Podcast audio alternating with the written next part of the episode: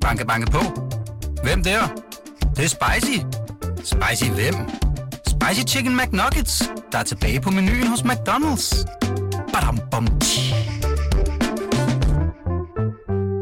Joachim, nu er klokken 10.23. Vi havde en aftale klokken 10. Hvad ja. fanden er der sket i dag? Sidste uge var det Broen, der var op. Den var op, come on. Det, der er sket i dag, det er, at øhm, jeg blev ringet op af Ekstrabladet, min gamle arbejdsplads. Nå, Og det var altid en fornøjelse.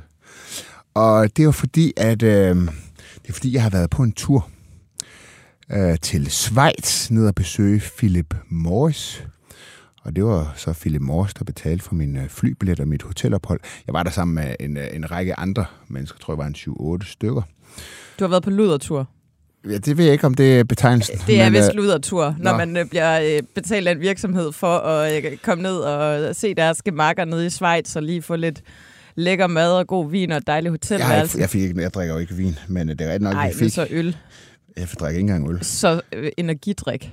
Så prime. Ved du, hvad jeg fik Nej. til aftensmad? Jeg fik en Cola Zero. Fik du ikke andet? Nej, jeg fik øh, kun, kun Cola Zero. Jeg Du fik ikke noget mad? Jo, jo, jeg fik mad. Jeg Nå, fik en okay. dejlig bøf og pomfritter. Ja, okay. Øh, Hvad vil Ekstrabladet? jamen, de vil jo så høre, det kan det, det, det, det, det måske også, det kan jeg egentlig godt forstå. Øh, De vil gerne høre, hvad, hvad, ja, hvad vil de egentlig gerne vide? Hvorfor jeg har været på den der tur? Mm. Og så svarede jeg jo ærligt, siger, jeg mødes jo med en masse interessenter i det danske samfund. Øh, det har jeg altså ikke noget, det er ikke noget problem med. Men fik, altså, fik du noget ud af at rejse til Schweiz på Philip Morris' regning, som du ikke kunne have fået at vide på et møde med Philip Morris i København? Nej, det gjorde jeg nok ikke. Nej. Okay. Jeg har heller ikke ændret holdning til nogen ting. Altså, jeg har ligesom de samme holdninger til regulering af tobaksprodukter, som jeg altid har haft. Men øh, Føler Men du, nej, det det var en jeg dum ikke. beslutning at tage afsted? nej, det føler jeg sådan set Føler du, at der var nogen i din omgangskreds, der sagde, at øh, det var en dum beslutning at tage afsted? Det kan da godt være, at du sagde det, men jeg må bare indrømme, jeg har det sådan. Jeg mødes fandme med alle. Jeg mødes med fagbevægelser, jeg mødes med forskellige... Altså for alle mulige organisationer. Alle, der vil mødes med mig, øh, vil jeg gerne mødes Ja, med. det er fordi, du Og er der- ensom. Så du er bare sådan, åh, 3F, vil I mødes med mig? Jamen altså... Nej, det synes jeg da ikke. Jeg, jeg har jo dig, come on. Ja. Hvis jeg ikke havde dig, så ville jeg være meget ensom. Men Nå. øh, ja, Men øh, vi kan forvente, der kommer en kritisk historie om dig og din ludertur til Schweiz, eller hvad? Jamen, det kan da godt være, altså, men jeg må bare igen henholde mig til, altså jeg har altid synes det var noget pjat, det der med, at der var nogen, man ikke kunne mødes med. Altså så længe det er Men kan du legal, godt se- legale firmaer. Men hvorfor kan du ikke mødes med dem i København? Jo, men- Hvorfor skal du på en tur til Schweiz? Kan du godt se, at, øh, at så kan det godt komme til at se ud som om, at du lidt er i deres lomme?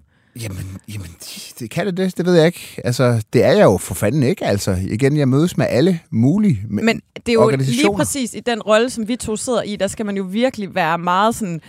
Øh, være meget øh, åben og øh, gennemsigtig omkring, hvad, hvad har også. man af forskellige interesser udover. Men jeg har ikke nogen Altså, Nej. Jeg, jeg, jeg, Nej, og nu hvor du ikke kan ryge has og brænde koraner i, så er den jo, har du ingen interesser. nej, så er alt, alt sjov er jo væk, åbenbart, i det her land her. Så er der kun tilbage at tage med tobaksproducenter til Schweiz på Ja. ja. tur. Ja, og jeg vil også bare lige sige, altså jeg bruger ikke engang deres produkter. Der er nok nogen, der ved, at jeg bruger snus, men det er ikke engang et Philip Morris produkt, øh, som jeg bruger.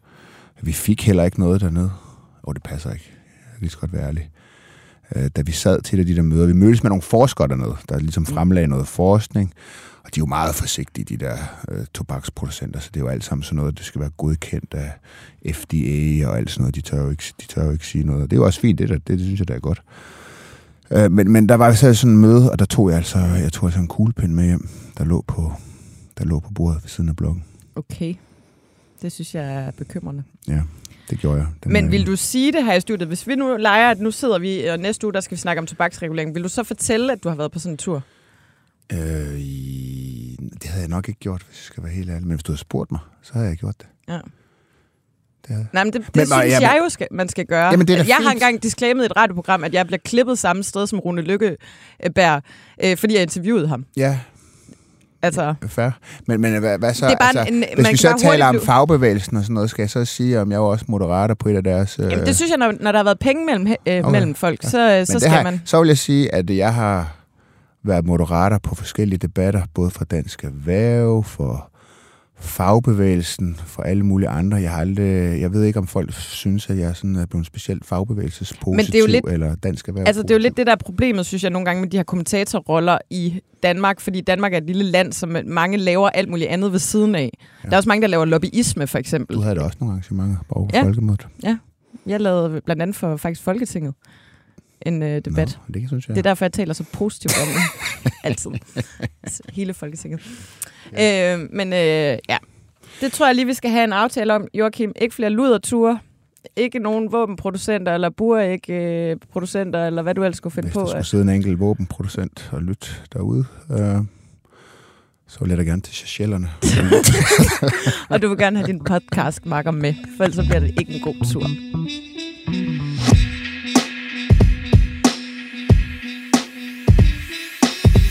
Hej og velkommen til Slottet og Summen, BT's politiske podcast, hvor vi ikke er i lommen på tobaksproducenterne. Regeringen har fremlagt sin bandepakke. Vurderingsstyrelsen har lavet noget helt hen i hver vurderingssystem.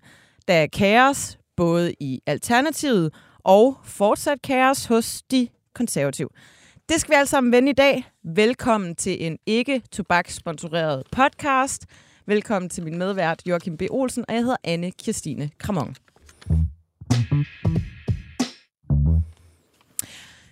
Vi- Lad os lige starte med at sige, at i øh, slutningen af måneden, den 28. september, der optager vi live foran et publikum. Det er en torsdag sidst på eftermiddagen fra kl. 17 til 18 i Pilestræde inde midt i København, hvor man kan købe sig en øh, billet, hvis man gerne vil, på det, der hedder Ticket Butler. Øhm, og, og konceptet er ligesom, at øh, ja, vi sidder og snakker, som vi plejer, og så kan folk komme og se det, og så er der ligesom en mulighed for at stille spørgsmål bagefter. Der plejer altid at være en masse spørgsmål til øh, dine træningsrutiner, Joachim. ja, det Sjovt plejer- nok ikke så meget til mine, forstår jeg ikke. Så hvis der er nogen, der brænder ind med nogle spørgsmål til mine træningsrutiner, så køb en billet. Altså, der bliver jeg jo nødt til at sige, jeg tror godt, du kan forvente et, et, et, par spørgsmål. Ja. Fordi, må man må jeg overhovedet, nu ved jeg ikke, nu bliver du nok, det ved jeg ikke, om du bliver sur nu, men du er jo, man kan jo se, at du er ved at komme i form. Kom on. Tak. Tak. Ja. Det er jeg glad for, at du siger. Det må du godt sige. Nå, okay. Det må man gerne sige. Nå, lad os springe ud i øh, bandepakken. Ja. Ja. Regeringen øh, fremlagde i den her uge en Bandepakke 5. bandepakke 5, bandepakke V. De andre virkede desværre ikke, så der var brug for en ny. Ja, ja. lav lige en ny bandepakke.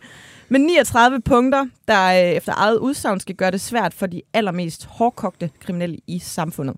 Mm. Bandepakken hedder Trygge nabolag i hele Danmark. Virker dog som om, at der er et par nabolag, den er sådan primært centreret omkring Christiania, og måske lidt Nørrebro-agtigt.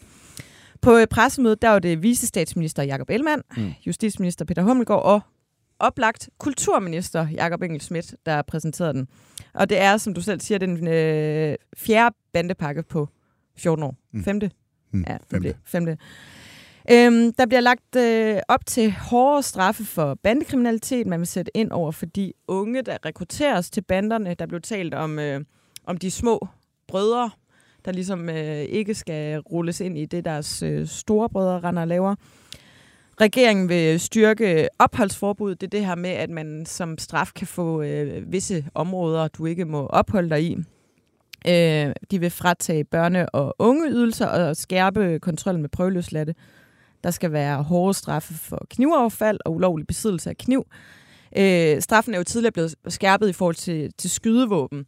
Øh, og, og nu har man så valgt, så, så er folk jo så bare gået over til kniv, Mm. øh, fordi der, der er ikke så højt straf. Så nu er det så også øh, øh, dobbeltstraf i forhold til kniv, så jeg ved ikke, hvilket våben, det, sådan nogle macheter, eller hvad man kan finde på. Altså, man kan jo sige i hvert fald, at øh, gennem historien har der været brugt mange forskellige våben øh, i krigen mellem forskellige øh, bander. Herunder også panserværnsraketter. Ja. er fra Aalborg, så det kan jeg huske, da der blev skudt med panserværnsraketter. Fra i, politiet? I 90'erne. Eller Nej, fra- nej, det var rockerne, der skød mod hinanden. Okay. Hmm.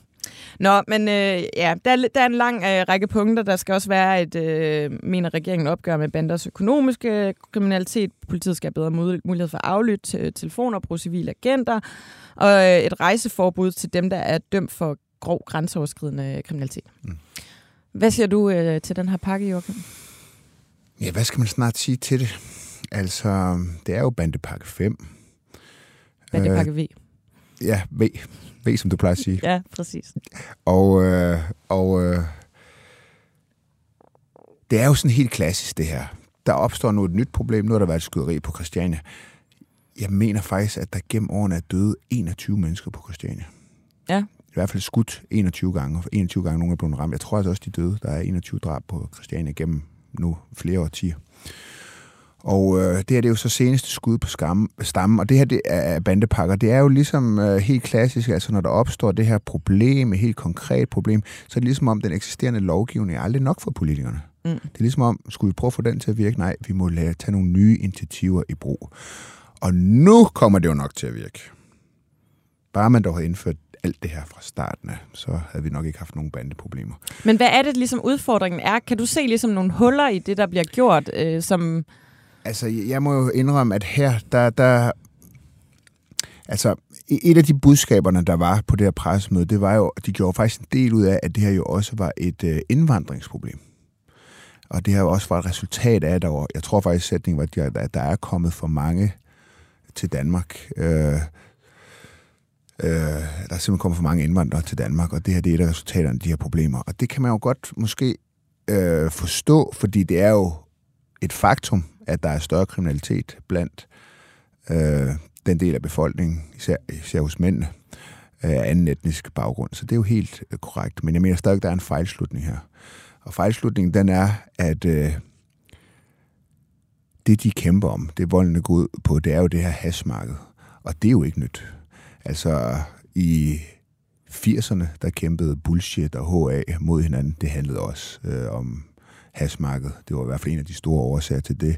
Op gennem 90'erne, der var det HA og Banditers, og der var det voldsomt, ikke? Der var det jo med skyderier i lufthavnen og sådan noget. Altså, hvor 3-4 på hver side skød efter hinanden. Der blev også en dræbt ude i lufthavnen. Jeg har lige nævnt det her med, at der blev skudt med panserværksraketter i Aalborg og i København der har jo været masser af masser af vold op gennem nullerne, præcis det samme. Så begynder der at komme de her indvandrerbander af LTF og så videre. Men pointen er jo ligesom, det er jo bare nye aktører, der kæmper om det samme marked. Hvis der aldrig var kommet en eneste indvandrer til det her land, så har der jo stadigvæk været krig om det her marked. Det kan vi jo bare konstatere, fordi før at indvandring fyldte rigtig meget, så var der også krig om det her marked, og det var også blodet, og det var også med mor og med vold. Så hvis, jeg, jeg mener, det er en fejlslutning at sige, at det, er det, at det, vi ser nu på Christiania, er et resultat af indvandring. Nej, det er et resultat om, at der er et meget lukrativt øh, hashmarked. Nogle har vurderet det, at vi taler om en milliard kroner, og det kæmper man så om. Men øh, så det, du egentlig siger, det er, at måden, den eneste måde at løse det her på, det er ved at legalisere hash? Øh, jeg tror ikke, at det er... Jeg tror ikke, at det er sådan en eller anden... Øh, hvad skal man sige? Jeg tror ikke, at det er en løsning, der løser alle problemer, men jeg tror, at det vil gøre tingene øh, bedre. Jeg tror, det vil være det, man kalder skadesreduktion. Altså jeg tror, at konsekvenserne vil blive mindre. Hvis markedet bliver mindre, så er der også mindre at kæmpe om. Ja, og men, men, men jeg tror ikke, altså jeg hører ikke til dem, der siger, at hvis bare man legaliserer, så, så er alle problemer løst. Jeg tror slet ikke på det, hvis de fleste taler om sådan en statslig løsning, hvor det skulle være staten, der skulle stå for det her salg. Det, det tror jeg ikke vil betyde særlig meget, for jeg tror bare, det vil føre til meget, meget dyre produkter, og jeg Øh, og jo, jo, jo større prisforskel der vil være mellem det, du kan købe på det illegale marked og på det legale marked, jo større vil det illegale marked selvfølgelig blive. Men jeg tror, at der findes modeller, nogle af dem, man har i USA. Ja, det er hvor, hvor det er mere sådan franchise-agtigt, hvor du køber en tilladelse til at, at sælge. Præcis, og hvor ja. det er reguleret. Ligesom alle andre varer, så skal du kunne vise, at øh, hvordan produktionen er foregået. Du skal have oplysninger om, hvor, hvor, hvor, hvor, hvor meget THC er der i de forskellige produkter osv. Og jeg tror også, at hvis det blev privat, så vil, øh, så vil det måske også blive en lidt mere, hvad skal vi sige, indbydende forretninger osv., man vil komme hen til, i stedet for sådan noget systembolaget. Og det er jo også, hvad skal jeg sige, et konkurrenceparameter, mm. der vil trække folk ind i, i, i, det, i den type butikker, i stedet for at stå ude på Christiania. Uh, og, men pointen her, den er jo bare den, at lige meget, hvad man synes om det her, så forsvinder det her cannabis jo ikke. Det forsvinder ikke. Det kommer aldrig til at forsvinde. Altså, jeg har det jo personligt sådan, nu bor jeg på Nørrebro, og hver eneste gang Pusher Street øh, bliver ryddet, så tænker jeg bare, åh oh, nej, nu, nu rykker det ud til mig. Ja. Altså, jeg kan bare mærke, man kan mærke, hvordan der bare, der bliver en anden aktivitet i gaderne, og der går mærkelige mænd rundt med hættetrøjer, der kommer biler, der bremser hurtigt op og løber ind i en baggård, eller sådan. Man kan mærke, det bliver sådan intensiveret. Altså, og det er også sådan lidt, få nu fat i roden omkring det her problem, fordi ja. det bliver bare rykket alle mulige andre steder hen. Det er jo det, der sker. Ja, så er det jo simpelthen, det er, det er jo, øh, og det er jo der, hvor jeg, jeg synes, der er så mange steder i, i politik, hvor politikere interesserer sig utrolig lidt for sådan helt basal økonomi. Fordi det, der jo sker her, det er, at du har en efterspørgsel på noget cannabis. Og den efterspørgsel, den er meget lidt prisfølsom, fordi folk er lidt ligeglade med, altså hvis du ryger en joint om fredagen, eller hvornår du nu gør det, ikke, så er du lidt ligeglad med, om den der joint den koster 40 kroner eller 70 kroner. Du køber den sådan set ja. alligevel. Så når du strammer øh, nettet, øh, øger risikoen for dem, der sælger det, ja, så tager de, så, betal- så tager de en risikopræmie for det, så sætter de prisen op, men det betyder ikke, at efterspørgselen den falder. Mm. Øh, og det betyder, når du sætter dem i fængsel, så er der nye klar, fordi markedet det er bare blevet så meget større, eller blevet meget mere værd nu, og derfor så, så, så er det dømt til at mislykkes det her. Og jeg har det lidt sådan, og det må jeg snart sige, nu har vi prøvet det her i flere årtier. Nu har vi mm. sådan lidt sporadisk gennemgået øh, de forskellige årtier, hvor meget vold der har været. Måske skulle man prøve noget andet. Og hvis Men, det så ikke ja. virker, så kan vi få pokker og give det tilbage til banderne Altså, bagefter. jeg undrer mig over, at LTF overhovedet er en del af den her konflikt, for jeg kan da huske, at Søren Pape gjorde LTF ulovligt. Så ja. det er da fandme mærkeligt, at, øh, ja, de overhovedet er her. Det, det virkede så heller ikke ja. helt. Men det er ligesom, altså, jeg, jeg synes bare, lige med den her problematik, der kan en blind mand se i mørke, at det ikke det er jo ikke det med skærpet straffe. Når man øh, skærper straffen for at gå med øh, pistol øh, eller bruge, øh, bruge våben, så, jamen, eller ja, skydevåben, så begynder man at bruge kniv, eller altså, du ved, der, der er hele tiden sådan nogle workarounds, og det er jo bare det, vi ser igen og igen. Man kan måske også forestille sig lidt, hvis du er i det der miljø, og der er en krig, og, øh, og du måske, og der er en risiko for, at du bliver slået ihjel, så er det måske heller ikke straffen for at gå med en pistol eller en kniv, der, der påvirker dig øh, synderligt meget. Så er det måske mere det her, hvad hvis jeg ender i den der situation, hvor der er nogen, der angriber mig, så vil jeg gerne kunne forsvare Vi ved mig. jo, at de der mennesker altså, er fucking ligeglade med vores system, eller at der hersker en eller anden, altså en junglelov og, og deres egne regler i, i de der øh, grupperinger. Altså det ved vi jo godt. Men det mener jeg så, det, det, altså det, det jeg, jeg kan simpelthen jeg har svært ved at forstå, hvorfor at politikerne bliver ved med den samme strategi, når den slår fejl igen og igen. Jeg, synes, jeg synes, der er noget utroligt arrogant ved det, fordi det er utroligt arrogant at sige, prøv at nu prøver vi det samme, som alle andre tidligere prøvet, hvor det ikke har virket, men når bare vi gør det, ja. så kommer det til at virke. Det synes jeg er utroligt arrogant. Ja, enig. Banke, banke på. Hvem der? Det, det er spicy. Spicy hvem? Spicy Chicken McNuggets, der er tilbage på menuen hos McDonald's. Badum, bom,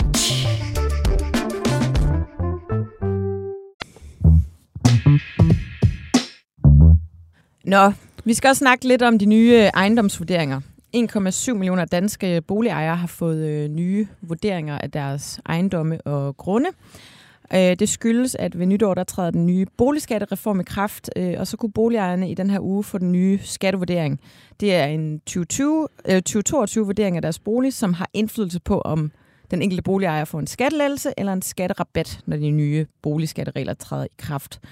Den her vurdering, der er kommet i den her uge, det er en midlertidig vurdering, som så gælder ind til Vurderingsstyrelsen for udarbejdet den egentlige 2022-vurdering. Hvis man er forvirret på et højere plan, så er det helt okay. Det er jeg i hvert fald selv. Men øh, der har været en del polemik om de her vurderinger, fordi det netop er en midlertidig vurdering, ikke en endelig vurdering, så man kan ikke klage over den som boligejer. Og det er der en del, har jeg indtryk af, der er rimelig træt af. Der har været ret mange historier om, hvad skal man sige, folk i medierne, der har fået nogle rimelig fucked up vurderinger af, af deres boliger. Omkring 70.000 danskere har fået vurderet deres grundværdi højere end deres ejendomsværdi. Der var øh, BT har talt med en øh, kvinde fra Rønte på Mols, der har en hektar grund, der i 2020 øh, blev vurderet til 254.000, og nu er den 5,5 millioner værd. Og mm. jeg kunne nævne en milliard andre mm. eksempler. Ja, altså, man kan sige, baggrunden for det her, det er jo, at øh, Rigsrevisionen, jeg tror det var 11-12 stykker, jo kritiserede, at de her grundværdier, i det hele taget, det her vurderingssystem var forældet, at men det var, hvad skal man sige, de fleste boliger var vurderet alt for lavt, og det var også det var fuldstændig rigtigt. Altså når man sammenlignede med, med salgspriser og, og de offentlige øh, vurderinger, så var, de, så var det helt skævt. Og det førte så til, at politikerne de nedsatte noget, der hed Engberg-udvalget, som ligesom skulle komme med anbefalinger til, hvordan man kunne indrette øh, et, et nyt boligbeskatningssystem. Øh, det her Engberg, Engberg-udvalg foreslog faktisk, at man helt droppede grundværdierne. Det er jo dem, der så ligesom slår virkelig ud lige nu.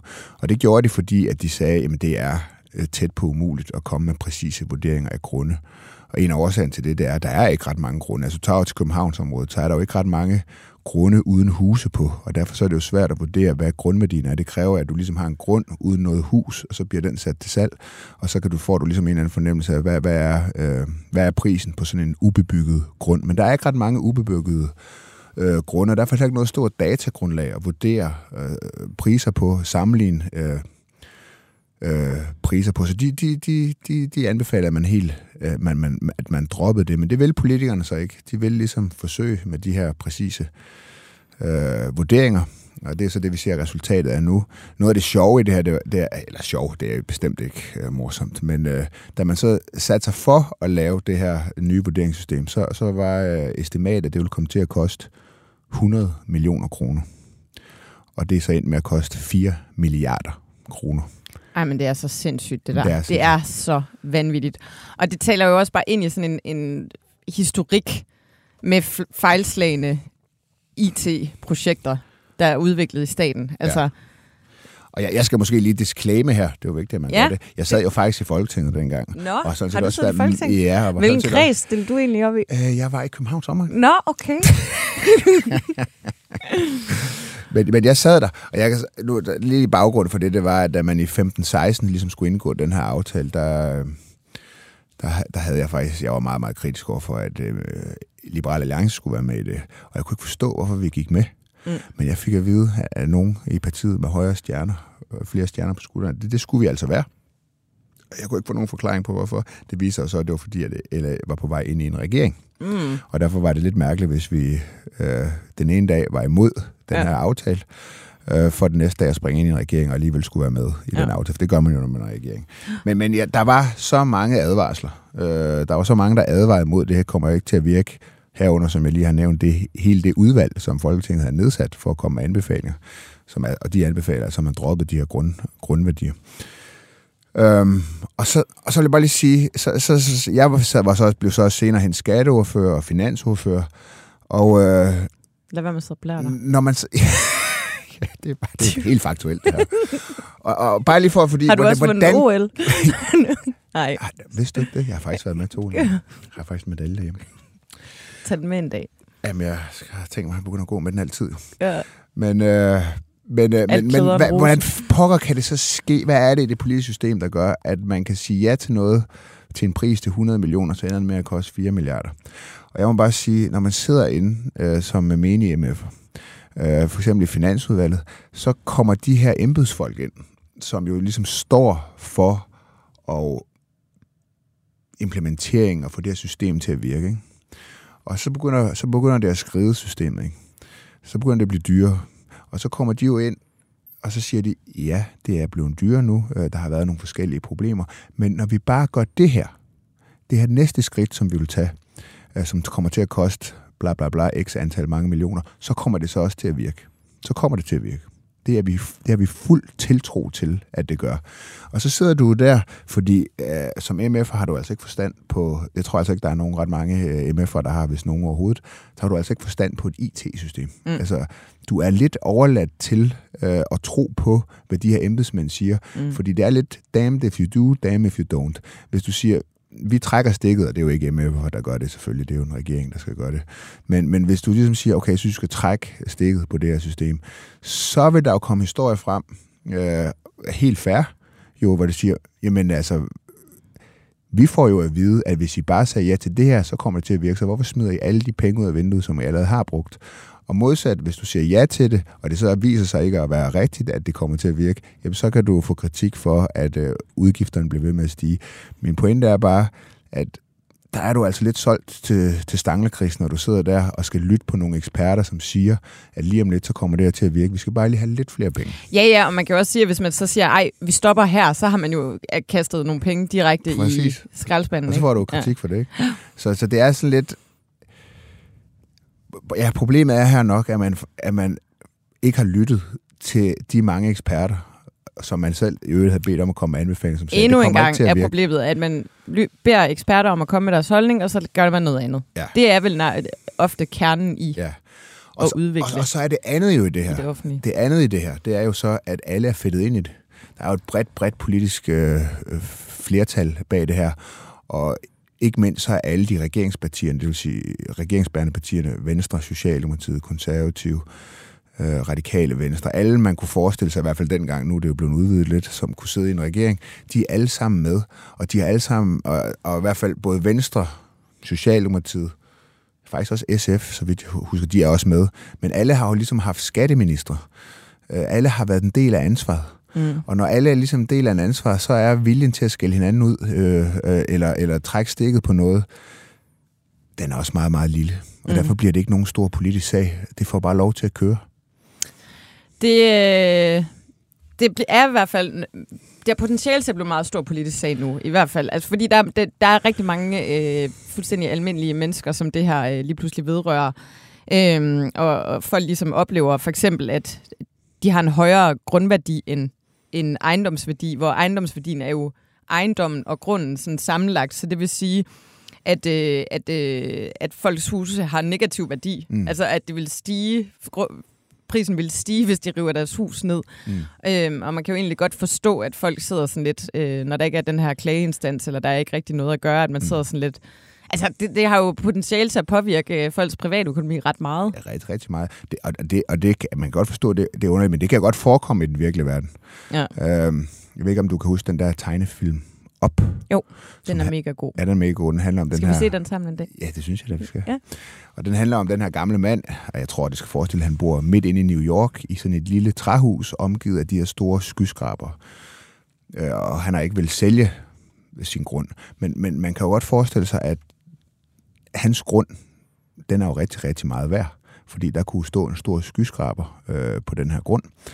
Øh, og derfor så er hans grundværdi jo meget, meget, meget, meget, meget, meget mere værd end øh, værdien af grund og det, det her lille træhus, han har stående.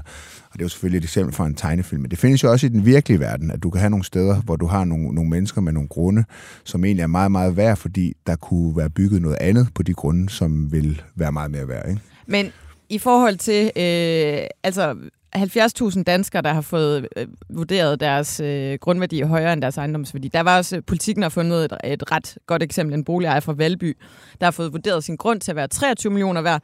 Ejendomsværdien er så 9 millioner. Ja. Altså, jeg, jeg tror ikke, øh, der er så mange af de der ophuse. Nej, men det er så bare det er så et udtryk for en eller anden vurdering af, at, hvis, hvis, at, at den her grund vil kunne blive anvendt til noget andet øh, som vil have en meget, meget større værdi. Og så er det ligesom det, man sætter værdien øh, ud fra. Men for den enkelte, så forstår jeg da udmærket, som måske ikke har lyst til at sælge, og som bliver, skal bo i det her hus. Øh, der har måske boet der, øh, man har boet der i mange år, stiftet familie der og sådan noget, så, øh, og har ikke har lyst til at sælge, så er det da en Ja, men plus, at det her jo ikke på nogen måde afspejler en reel salgsværdi.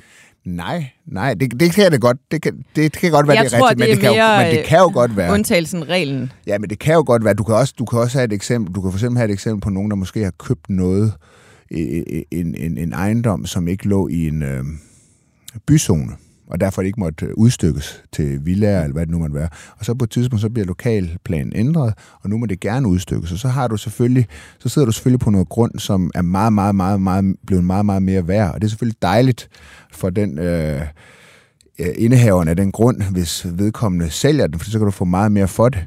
Men hvis du ikke ønsker at sælge det, ja, så sidder du så pludselig med en, øh, med en grund, hvor, ejendom, hvor grundværdien den stiger helt, helt utrolig meget. Så det kan godt forekomme i den virkelige ja, ja, verden, selvom det der, virker Der er bare utrolig mange eksempler. Ja, ja, jeg tror ikke, der er 70.000 grunde, der øh, lige er klar til at blive udstykket til øh, det er det, det er det sikkert ikke. Øh, og, og man kan sige, det, er, det hører selvfølgelig også med, at grundværdierne har været for lave.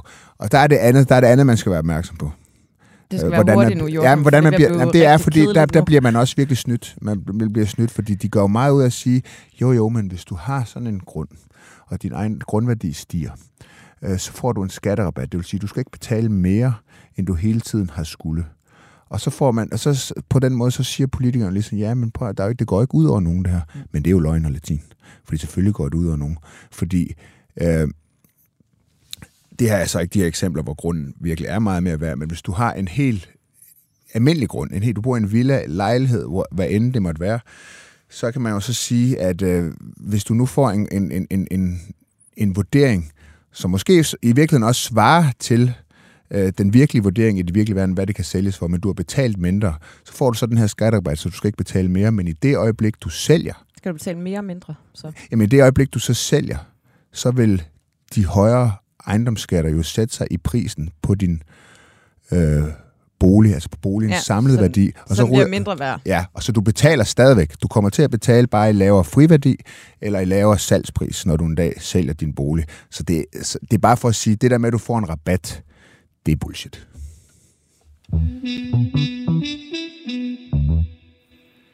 Nå, vi går videre til alternativet. Der er gang i den. Oh ja. I øh, sidste uge der blev øh, Alternativet skoset for at have lavet et opslag, hvor de skrev, at en historisk begivenhed havde fundet sted. Nemlig, at der på Christiansborg var en folketingsgruppe, udelukkende bestående af kvinder. Ja. Øh, og i denne her uge kunne øh, DR så fortælle, at fem medlemmer af Alternativets folketingsgruppe har forsøgt at smide et sjette medlem, Teresa Scavenius, ud af gruppen. De har indstillet hende øh, til hovedbestyrelsen, at, øh, at hun skulle ekskluderes fra øh, partiet. De aflyste deres øh, sommergruppepressemøde onsdag øh, med henvisning til denne her sag.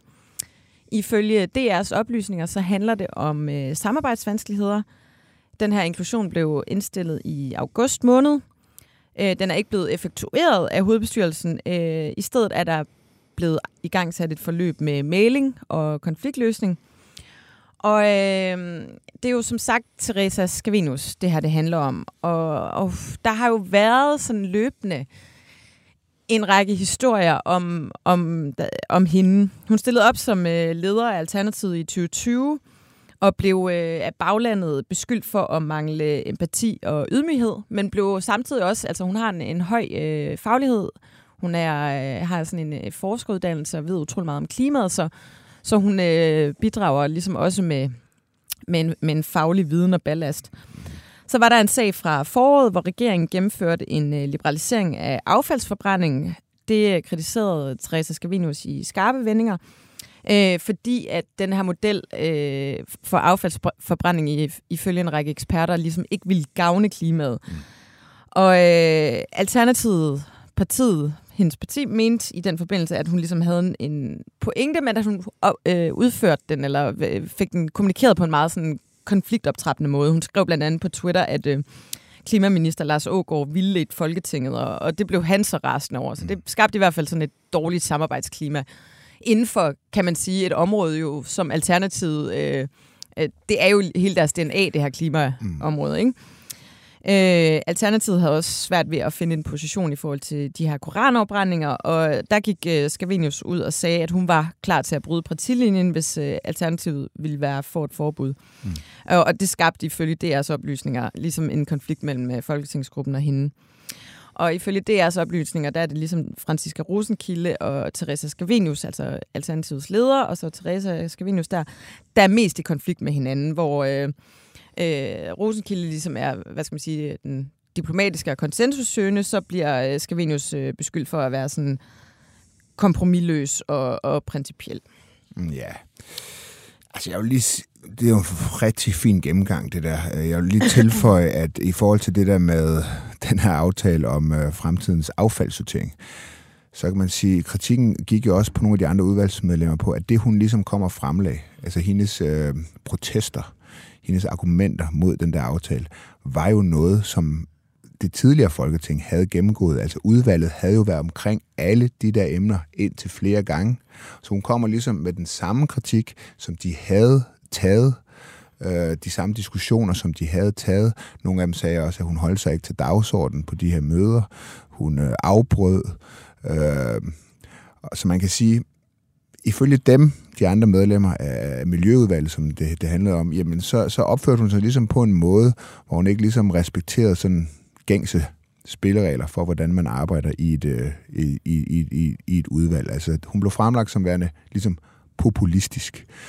Øh, og det, øh, det nægtede hun jo dengang, men man må jo sige, når hun så også kommer i problemer med sin egen gruppe, for de samme ting, samarbejdsvanskeligheder osv., så synes jeg, at hendes mm. sag, den bliver, den bliver jo svækket noget. Jamen, det gør den helt klart, og det er jo også en træls sag igen for Alternativet. Altså, det er jo lidt... Øh Der har jo været mange sager efterhånden. Øh, Der, vi, du havde også øh, for nyligt øh, Franziska Rosenkilde inde og tale om den her berømte liter mælk fra Folkemødet, som også skab, skabte en stor øh, konflikt i gruppen. Og, øh, altså det går jo helt tilbage fra til Uffe Elbæk, der forlader partiet sammen med, med tre-fire andre medlemmer. Og, øh, og hvad hedder hun nu? Hende, øh, Josefine Fock, Mm. der så kom til at bl- blive beskyldt for at rus- ruske medarbejdere. Og sådan. Altså, der er meget polemik. Sexgynger, Sexgynger. peniskollager. Nico Grønfeldt, der indrettede sit øh, borgmesterkontor på Københavns øh, rådhus for flere hundredtusind kroner, mens han sad og snakkede om bæredygtighed. Og, Jeg har ikke ønsket at tage beskæftigelsesposten. selvom ej, jeg vil gerne brugt- være Ja, kulturborgmester. ja, det de, var har brugt, de har brugt meget tid på at kritisere hvad skal ja. sige, beskæftigelsesindsatsen i Københavns Kommune, men de så fik muligheden for at tage ansvar, så, ja. så gjorde de det så ikke. Og han pyntede jo også på sit CV, skrev en eller anden uddannelse på, han ikke øh, havde. Og, altså, der har bare været meget. Ja. Øh, og det er jo øh, virkelig klart en, en mega dårlig sag for øh, Alternativet, det her. Endnu en dårlig sag. Og det er ret voldsomt, synes jeg, når alle de resterende øh, medlemmer af Folketingsgruppen øh, ønsker at få et andet medlem ekskluderet. Altså, så, det, så er fronterne i hvert fald trukket op. Altså man helt op på aller, allerhøjeste konfliktniveau, ikke? Ja. Ja. Skal vi tage vores lille skænderi? Ja, men jeg skulle lige tage spørge. Jeg, jeg husker det, som om du havde endnu en kommentar til det her, som du fik. Ja, øh, jeg har sgu haft en god uge. Men hvad hedder det? Ja, jamen det var jo fordi, jeg synes jo bare, det var så morsomt, at de den ene dag lægger det her billede op på sociale medier, hvor de nu viser, at nu er- sidder de seks kvinder i Folketinget. Det er en ren kvindegruppe, og det er ligesom noget helt særligt. Det var så på den baggrund, at Thorsten Geil jo var sygemeldt, så man kunne måske... Altså, nu ved jeg faktisk, at det faktisk er Thorsten Geil, der ligesom påpegede det her. Ja, okay. Fair nok. Ja. Men det, det blev i hvert fald lagt op som noget, der var sådan meget særligt, og så går der... Men det er da meget særligt. Jamen, jo, jo, jo, men hvorfor er det så særligt? Jamen, fordi det ikke er sket før. Ja, Det er bare fordi, du er så vant til at se men de det er jo der også, mandegrupper. Men det er jo fordi, at det er så, det, det, der var også som om, det her det er noget særligt fint. Og så går der fem dage, og nu er det bare kvinder, der styrer. Og så er der kraftet, men så vil de smide den ene af dem ud. Ja. Altså, og det har ikke noget med, at mænd, mandlige politikere ikke også kan lave ballade, for det er der, der er masser, Mm. eks, det er der, der er masser, det er der masser af eksempler på. Men måske spillede jeg lidt på det der med, at øh, pigekonflikter. Ja, Og er det ikke, det er da en ting. Det er da en ting. men, Det men, kan jeg da se i folkeskolen Ja, og sådan noget. det Det er er en fordi- helt særlig ting, når kvinder de kommer sammen, så kan det, så kan det virkelig blive ond, ond Ja, stemning mod jeg vil nogen. gerne forklare dig, hvorfor. Mm. Øh, jeg ikke ret? jeg synes, Hvorfor er jeg ret? Du klar, er der, ret? der, der, hvor du går galt i byen. Altså for det første, så er det hver gang, der ligesom er noget med kvinder, der er involveret, så er det sådan noget med øh, drama queens og fnider og sådan noget. Vi, det, de ord bruger vi jo ikke om øh, Lars Bøje. Vi siger jo ikke, at fordi Lars Bøje er en mand, så, så øh, løber han og laver alt muligt hul om hej. Vi siger jo ikke, at øh, Lars Lykke, fordi han er en mand, løber og laver alt muligt hul om hej. Det er man hurtigt til at gøre, når det drejer sig om kvinder. Mm. Det var du hurtigt til at gøre den anden dag på Twitter, fordi det drejer sig om kvinder. Og så er der noget med, at Men bruger I bare ikke nogle andre så? Øh, nej, men der, altså for eksempel det der med, øh, øh, apropos Teresa Scavenius, altså hun bliver framet som, som kompromilløs, for, som noget dårligt, ikke? Altså som om hun ikke kan samarbejde. Men når man siger om en mand, han er kompromilløs, så er, det sådan, så er han idealistisk og brænder for sin sag. Og, ej, Nej, det er, hun er, det er ikke, fordi hun er kompromilløs. Det er dig, der bruger ordet kompromilløs. Nej, det, det er, jo fordi hun er hun blevet er, beskrevet popu- som... hun er populistisk. Hun er populistisk. Det er, hvad hun er. Hun er bare en simpel populist. Det var hun i den der sag omkring øh, øh, et, øh, liberalisering af affaldssektoren. Det er jo bare, det er jo bare ren og skær ja. populisme. Men der er noget i, i forhold til øh, den måde, man opfatter øh, konflikter i forhold til kvinder og mænd. Og det, det handler også om, at øh, piger bliver meget opdraget til som børn, at vrede ikke er en følelse, som er øh, velkommen. Piger skal helst ikke være vrede. Piger skal være søde og, og dygtige, mm. øh, hvor, hvor drenge øh, jo får me- meget mere lov til at, hvad skal man sige, udleve vrede og tumle og bøvle. Og, mm. øh, øh, ja, så det vil sige, at på et eller andet tidspunkt, så begynder piger og, øh, øh, og hvad skal man sige, håndtere deres vrede anderledes. Mm. Så det vil sige, når vrede ikke er velkommen ude i det åbne, så bliver den lukket ned, og så kommer den ind af sådan en smutveje, og så er det piger i skolegården begynder at bagtale hinanden, og være nede, lederen over for hinanden, og holde hinanden udenfor, hvor drenge er meget mere tilbøjelige til at tage, at tage en konflikt ud i det åbne. Mm. Øh, og, og det er jo det, der også bliver framet ind i, at, øh, at De er kvinder... ofre. Er det, hun er et ofre i virkeligheden. Nej, men, øh, nej, men det er rent faktuelt, det forholder sig sådan. Altså, så det, er jeg vel også rigtigt, det jeg siger. Ja, ja men, men, øh, men, men det er fordi, at du har en opfattelse af, at den mandlige vrede udspiller sig på den rigtige måde så. Ikke nødvendigvis. Altså, hvis det er sådan noget med, at man slår hinanden, og man slås og sådan noget, så synes jeg da, at det er lige så forkert, som hvis det er, at man bagtaler hinanden og sådan noget. Det er bare sådan... Ja, men det er ligesom om, at mandlig vrede bliver meget mere opfattet som sådan en handlekraft og drivkraft, hvor øh, øh, kvindelig vrede og den måde, den ligesom udspiller sig på, bliver opfattet som øh, værende, altså den skal, den skal forsvinde, og den skal forbydes, og det er også typisk, når der, øh, man har en arbejdsplads, hvor der kun er kvinder, så bliver det sådan hønsegård, bla bla bla bla. Altså, og, og det handler jo noget om noget, hvad skal man sige, noget større, den måde vi... Øh, der er ikke særlig meget plads til øh, kvinders fred ude i det åbne. Og jeg kan godt se, du synes, jeg er fucking irriterende lige nu.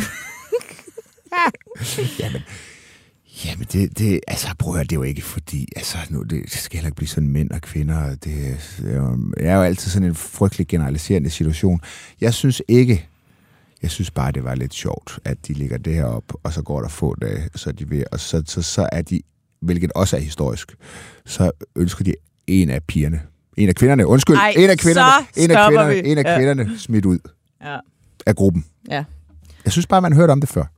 Ja, men, øh, men du hører jo ikke mere om kvinder, der opfører sig øh, eller laver konflikter i... Altså, det er jo klart mændene, der står for flest konflikter i politik. Det håber vi er enige om. Ja, der er også flest mænd. Ja.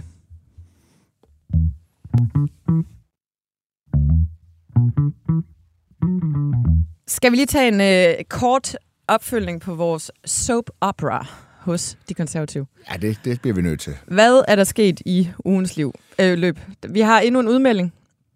Vi har øh, en tidligere konservativ rådmand på øh, Frederiksberg, Pernille Høgsbro, der har meldt sig ud i protest. Hun har siddet i kommunalbestyrelsen i 25 år, herunder øh, en del af dem for konservativ. Hun kritiserer både øh, Søren Pape helt overordnet, men også mere specifikt hans håndtering af denne her Pernille Weiss sag. Mm. Øhm, hun skriver i en pressemeddelelse, det har været frygteligt at opleve, hvor langt væk fra den almindelige danskers problemer konservativ er. En valgkamp, hvor ingen af de aktuelle problemer blev adresseret, men hvor der kun blev talt om topskattelettelser og Søren Pape som statsminister. Og øh, kalder denne her håndtering af Pernille Weiss-sagen for kafkask. Mm. Jeg oplever en partiformand, der sejler rundt og klamrer sig til magten, samt ikke mindst, øh, mindst og lige så vigtigt en ledelse i partiet, der klapper hælene i, og en folketingsgruppe, der bare parerer ordre. Hun kritiserer den manglende erkendelse i partitoppen efter det store valgnederlag og siger, at Søren Pape burde have trukket sig på valgnatten. Øhm, Søren Pape han tonede jo frem i øh, den varme stol på øh, DR hos Kåre Kvist i søndags. Du havde øh, Rasmus Jarlov inden for at snakke om, øh, om det her med topskattelettelser. Øh, det blev et rigtig godt afsnit, øh, synes jeg. Så det kan man jo lytte til, hvis ikke øh, man har hørt det. Mm. Hvad tænkte du om den der optræden? Jeg synes jo, det var forfærdeligt. Ja. Men det, jeg ender, og det er jo et temperamentsspørgsmål, det her. Men, øh, men øh, jeg, jeg synes, at... Øh, at jeg synes, at... Øh, når man... Altså, det jeg synes var forfærdeligt, det var, at han jo... Man kan jo sige, at han ligger sig fladt ned. Han kalder det tåbeligt. Han leverede ikke i... Og forfærdelig indsats i... Øh, valgkampen, og det var helt forkert at gå ud med det her topskat. Og han, han piskede virkelig sig selv. Og der Med skorpioner. Ja, det må man sige. Og der er sådan, og d- der er for mig en eller anden logisk brist her. Fordi at når man ligesom er general, ham der går forrest, og man i en valgkamp ikke leverer, det er jo der formanden skal levere. Det er i, der er ikke nogen, der har et større ansvar i en valgkamp end formanden, fordi det er ham eller hende, som alle jo kigger på. Mm. Det er her, det er formandens opgave at levere. Og det gør han så ikke. Og det indrømmer han. Og det er jo fint. Men jeg har det lidt sådan, skal du så ikke gå af? Ja. Altså hvis du ligesom har påtaget dig det her store ansvar, og du fuldstændig taber bolden. Han sagde jo også, jeg har slet ikke lyst til at gå ud af, af, af kampagnebussen. Og jeg forstår godt, at altså, det må have været frygteligt. Det kan jeg jo godt forstå mm. på et menneskeligt plan, at du et ligger helt derop øh, på 15-16 procent, og så ramler hele korthuset. Og det er på baggrund af historier om din mand, altså din ægtefælle, og du ender også med at blive skilt midt i en valgkamp. Hver der har været igennem en skilsmisse, vide, hvor horribelt og frygteligt øh, det ligesom er. Så på det personlige plan forstår jeg ham godt. Men det ændrer ikke ved, at som formand, der var det hans job at levere. Og han indrømmer, at han har taget strategiske beslutninger, som ikke virkede, nemlig den her store 2030-plan, som indeholdt topskatten.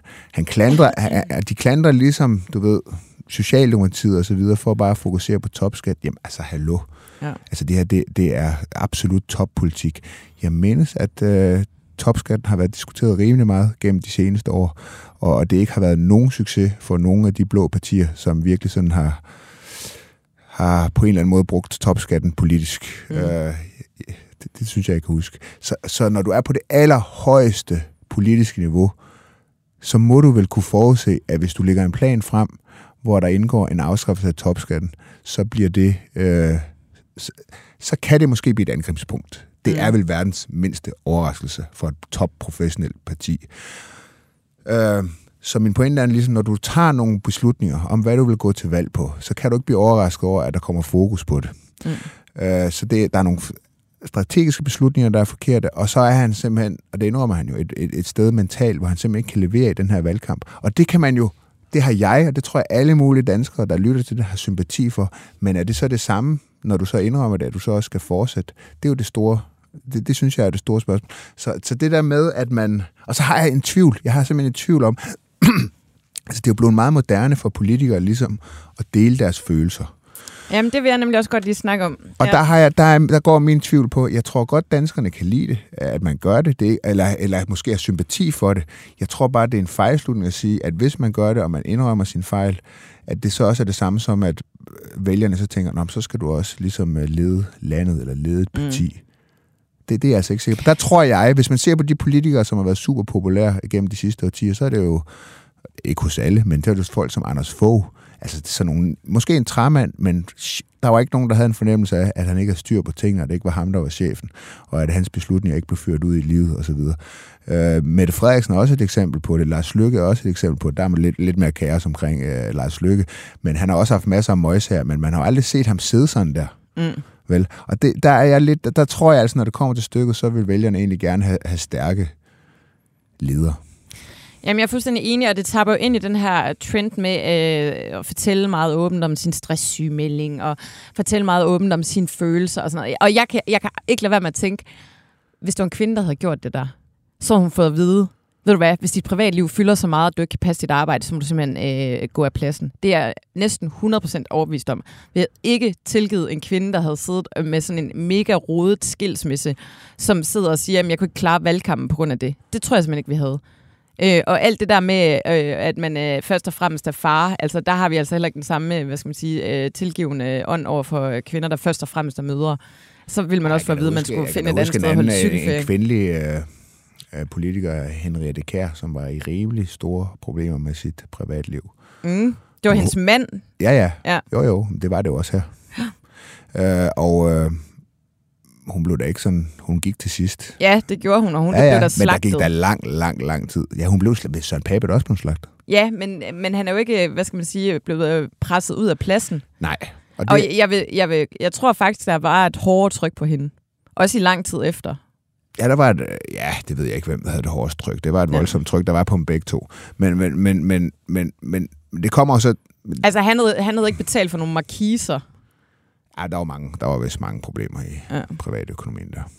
Men ja. whatever. Uh, hvad hedder det? Men, uh, Men det er jo lidt noget andet end en, en mand, der lyver om at være, have diplomatiske re- relationer til den Dominikanske Republiks uh, præsident. Men ja. lad nu det ligge. Ja. Men, men i hvert fald, så kan man i hvert fald sige, at, for det skal vi jo også tale lidt om nu, jeg skal ikke tage din. Men, men, men hvad skal der så ske nu? Ikke? Ja. Hvis vi skal kigge lidt fremadrettet, ikke? så kan man Der er sige, jo det her landsråd næste Der er, der er nemlig landsråd i, i, i næste uge, og det bliver jo selvfølgelig ekstremt definerende for, for Søren Pape. Uh, der er jo hele den her vej. Jeg, jeg, jeg, jeg er hård ved Søren Pape. Jeg er hård ved Søren Pape. Jeg ja. synes ikke, det der var en god øh, præstation, og jeg havde...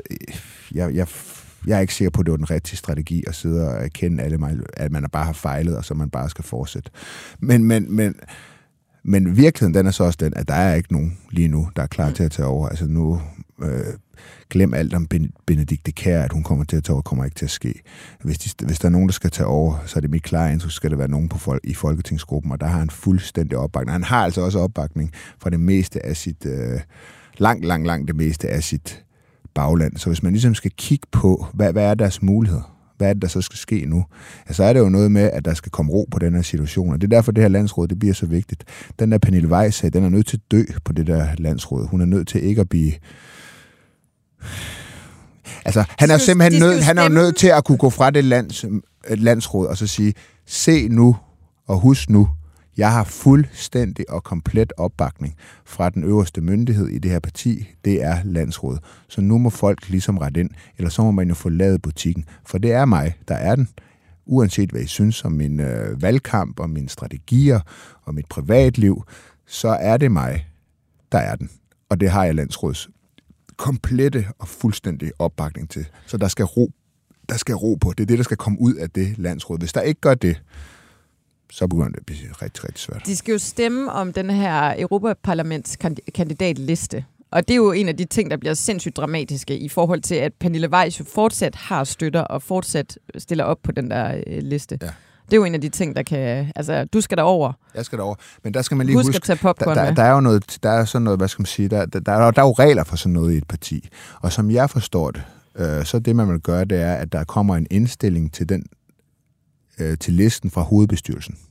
Så der er nogle navne på den. På den liste indgår Pernille Weiss jo ikke.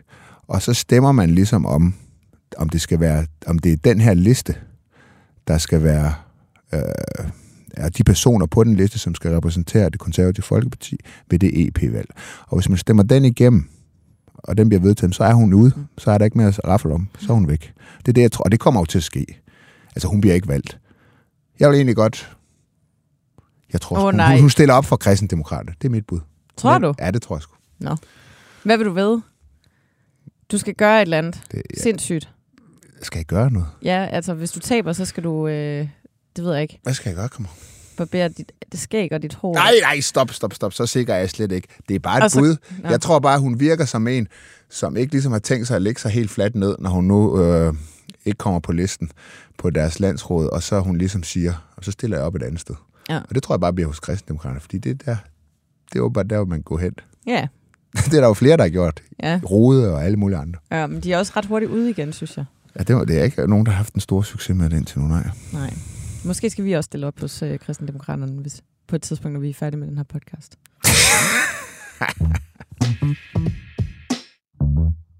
Nå, sumtrold. Ja, men altså, der bliver min, det bliver altså Søren Pape for den der optræden. Øh, jeg synes, han var nede i sumpen der. Ja, Han var virkelig, og det, det var måske også meningen, at han skulle lægge sig helt ned i sumpen. og lade rulle sig- rundt. Ja, og rulle rundt og sige undskyld og undskyld. Men øh, jeg, er ikke, jeg er ikke sikker på, at det der, det var, det var, det var, det var godt. Jeg er i hvert fald, nu har han gjort det, så nu må det så også stoppe. Altså nu kan der, nu, nu, du kan ikke blive ved med at pisse dig øh, selv på den der måde. Altså nu må det ligesom være slut med det. Hvis han, jeg tror, hvis han skal have nogen som helst chance, og jeg vil også godt sige, det tror jeg, at de har, fordi der kan ske så meget i politik. Øh, Der er også lang tid til næste valg, så det er ikke, fordi jeg vil dømme ham ude. Jeg siger, men øh, der skal jo ske noget. Altså, der skal jo virkelig ske noget. De skal rejse sig i de der målinger på et tidspunkt, ellers er han i hvert fald færdig efter næste valg. Øh, og måske også før. Men, men, men han skal have ro på, og så skal han rejse sig for de der målinger. Men jeg tror bare ikke svaret. øh, Det var det, han gjorde i mandags. Søndags. Søndags, søndags. Ja. Det tror jeg ikke. Det tror jeg altså ikke. Det, det tror jeg ikke, der. Min er ikke en politiker. Det er en øh, ansat i et politisk parti. Det er Asger Jul. Nå. Øh, han stoppede jo som chefredaktør på øh, Ekstrabladet øh, for nylig. Det er jo ham, øh, det ved de fleste nok, det er ham, der startede den øh, radiostation, der hed Den Uafhængige, som ligesom Mhm. sprang ud af noget med corona og, og dækning der. Og nu er han så blevet kampagnechef i DF, Ja. hvor han skal stå for partiets Europaparlamentskampagne. Mm. Og øh, hans eget medie, tidligere medie Ekstrabladet, har i den her uge afdækket, hvordan han øh, ikke er ansat for partimidler, men for midler fra Europaparlamentet. Øh, han er faktisk ansat som akkrediteret parlamentarisk assistent for Anders Vistisen, som sidder i Europaparlamentet for, øh, for DF. Mm. Det, at han ikke er ansat for partimidler, det, men for EU-midler, det betyder, at så må han ikke lave kampagnearbejde for partiet, som egentlig er det, han er øh, ansat til. Og det er en, en, en værre rodebutik. Nu er Anders Vistisen ude og sige, at han er deltidsansat som parlamentarisk assistent for ham. Og når det så bliver valgkamp, så skal han være Europaparlaments kampagnechef og ryger ligesom over i en anden lønpulje. Mm. Det var bare ikke det, DF ligesom meldte ud, da de ansatte ham. Men det, øh, jeg synes, øh, han fortjener en tomtrold for, det er, at han ikke stiller op til nogle kommentarer. Ekstrabladet har forsøgt at, at få fat i ham, Asger Jul, rigtig mange gange. Øh, det er Ekstrabladets journalist øh, Cecilie Guldberg, der har lavet øh, historien, øh, og som fortæller, øh, at hun har virkelig øh, forsøgt indtrængende at få fat i ham. Og det synes jeg bare er lidt sjovt, alt den stund. Øh, journalisten har gravet et øh, gammelt citat fra Asger Jul frem fra et indlæg i Politiken i 2018, hvor han skriver, Journalister arbejder i nedrivningsbranchen, og det er klart, at politikere og andre magthavere synes, vi er trælse og forfladiger væsentlige debatter. Det gør vi til tider også, men løsningen er ikke, at folketingspolitikere, og ministre og andre pinger undviger og øh, modarbejder den øh, kritiske journalist, øh, journalistik. Det gør de desværre nogle gange og fortsætter. Kære politikere, vær tilgængelige for pressen, glæder over de kritiske spørgsmål til en lur næste gang, I får lyst til at ansætte en spindoktor. Mm. Øh, og i 2022, da han startede den uafhængige, hvor sagde han, jeg er rigtig træt af politikere, der taler udenom at omgivet af spindoktorer. Mm. Og, øh, og det, jeg synes, han for, øh, fortjener den her sumtrol for, det er, det er, at han ligesom er blevet... Øh, et produkt af det system, han ligesom selv har brugt øh, mest øh, størstedelen af hans karriere på at øh, kritisere. Mm. Altså, jeg synes altså ikke, man kan kritisere ham det her med, hvor lønnen kommer fra. Nej, men det må sgu da ikke være hans, ham det for må da ikke ikke være at... hans ansvar. Det må da være DF, der ligesom ansætter nogen, så er de styr på, Ja. om, om, det, om han er ansat inden for reglerne i forhold til, hvem der finansierer hans løn. Altså, det kan da aldrig være den ansattes ansvar. Nej, men jeg synes, øh, den kan kritiseres for, det er at, at ligesom bare øh, stikke hovedet i, i busken, når han har brugt øh, så mange år. Altså, han er jo en af dem, der har været allerdygtigst til at lave kritiske øh, interviews, da han var på 24-7, og øh, koldkaldt politiker, og virkelig sådan været lige i hælene på magten. Og så når det drejer sig om ham selv, så stikker han hovedet i busken. Ja. Jeg er bare lidt skuffet. Mor er skuffet. Mor er skuffet. Mor er ikke sur, mor er skuffet. Ja, jeg synes... Ja. Men fint, du får den. Nej, nej, nej, nej, nej. Altså, jeg sidder... Altså, det er ikke sådan, at jeg sidder... Jeg sidder bare og tænker... Jeg kan da godt se, at du har en pointe. Tak. Nej, nej, altså, jeg, jeg, jeg er faktisk faktisk til at sige, at, sige, at i forhold til dine andre indstillinger, så synes jeg, at det er en af de bedre. Nå. Jeg synes, du har vundet for, jeg jeg, jeg synes, du har vundet for noget, der var betydeligt øh, øh, mindre. Ja, men det er jo også det her. svært at konkurrere. Eller, altså, når, med sådan en, en, der kommer så forberedt som dig altid, så er det virkelig nemt at vinde den, Joachim. Ved du hvad, du, du, du, øh, du får den. Tak. Du får den. Tak. Nå, det var det. Husk at købe øh, billetter til vores live-optagelse den 28. september Ja, på Ticket Butler. og øh, Hvis I ikke kommer, så bliver vi ked af det. ja, især, ja, jeg vil gøre i hvert fald. Der skal ikke meget til at slå dig ud for Nej, tiden. nej. Bruger der er oppe, og ekstrabladet, der ringer. Nej, og det slår mig ikke ud hash, af Du det. må ikke Det- øh, brænde det- koraner der. Nej, Dit liv er, har forandret sig. Vi bor åbenbart nu i Sovjetunionen. Ja, det gør vi jo. Men øh, så er det godt, at vi har det her lille åndehul. Ja, præcis. Ej, tak for i dag, Joachim B. Olsen. Tak til Alex Brøndbjerg, der sad ude i øh, teknikken. Og tak til mig selv. Jeg hedder Anne Kirstine Kramon.